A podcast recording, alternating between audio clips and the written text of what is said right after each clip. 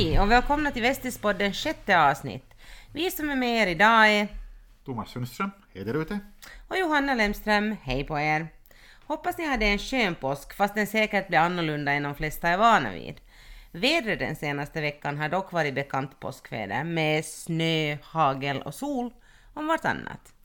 Uh, I veckans poddavsnitt ska vi ändå inte prata om väder, utan vi ska prata om korvar, järnvägsövergångar och lite på ämnet corona också.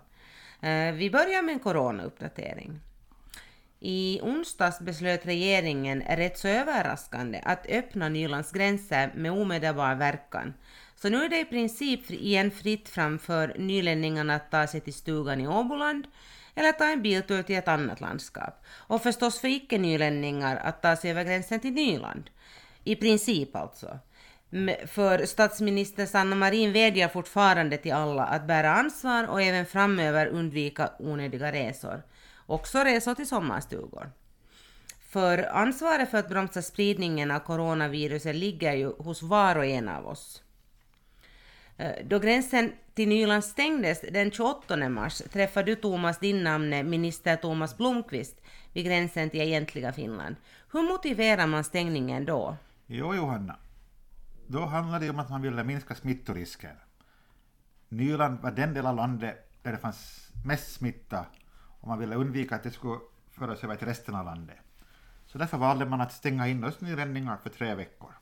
Okej, men varför har man öppnat gränsen nu då? Ja, den korta förklaringen är att regeringen nu konstaterar att eftersom coronaviruset sprider sig till alla delar av Finland finns det inte längre några nödvändiga skäl att isolera Nyland. Så därför är inte vi mera instängda, men det betyder ju inte att vi på något sätt ska vara tillbaka vid det normala. Nej, precis. Men på temat stängning så kommer vi smidigt in på ett ämne som du har jobbat med under veckan, medan en annan alltså haft vintersemester. Nämligen plankorsningar på Hangöbanan. Berätta! Absolut. Här talar vi om en verklig långkörare. I fjol blev det alltså klart att Hangö-Hyvingebanan äntligen ska elektrifieras, vilket man inte minst i Hangö hamn jublar över. Men det betyder också att man sett över säkerheten och alla farliga plankorsningar som finns längs rutten. Och det är många. Bara som exempel, här i Raseborg har vi 18 stycken.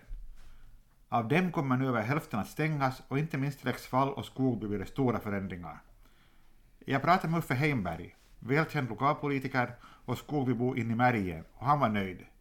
Det finns fortfarande vissa utmaningar, men med tanke på säkerheten är det här ett stort steg framåt. Samtidigt får vi se hur allt framskrider, för det är ju först år 2024 som allt beräknas vara klart. Då ser vi hur det sista slutligen gick och var det går att korsa järnvägen och var det är stängt. Precis det. En annan stängning som vi berättar om i dagens Vestis är Korvtommens legendariska grillkiosk i ändan av Kungsgatan i Ekenäs. Tom Eklund, som i nästan 40 år har sålt korv, piroger och hamburgare, säljer nu sin rullande kiosk. Han tänker ägna mera tid åt en av sina favoritsysslor, nämligen fritidsfiske och hoppas förstås på en fin sommar. Thomas, om du får välja grillmat, vad väljer du då? Ja du, en klassisk pyttipanna med ägg är väl aldrig fel. Med ketchup och senap och ingen sallad förstås. Eller vad säger du? Ja, mm, jag gillar baconburgare, men uh, korvtommens Tommens special är faktiskt också en goding. Uh, så jag hoppas på att någon har nappat på hans koncept och, och köper vagnen. Uh, men vad har du tänkt på annat under veckan? Det som nog lite sticker ut är att det inte händer någonting på idrottsfronten. I vanliga fall brukar våren vara intensiv och händelserik, men nu är det bara stilla. Det känns märkligt. Samtidigt finns det förstås mycket annat man kan göra på jobbet. Det är också roligt. Om man är på jobb alltså. Just det. Jag som som sagt haft vintersemester så har tänkt på sommarens odlingar istället. Eh, jag har städat ur växthuset och förberett odlingslådorna för sådd och sånt.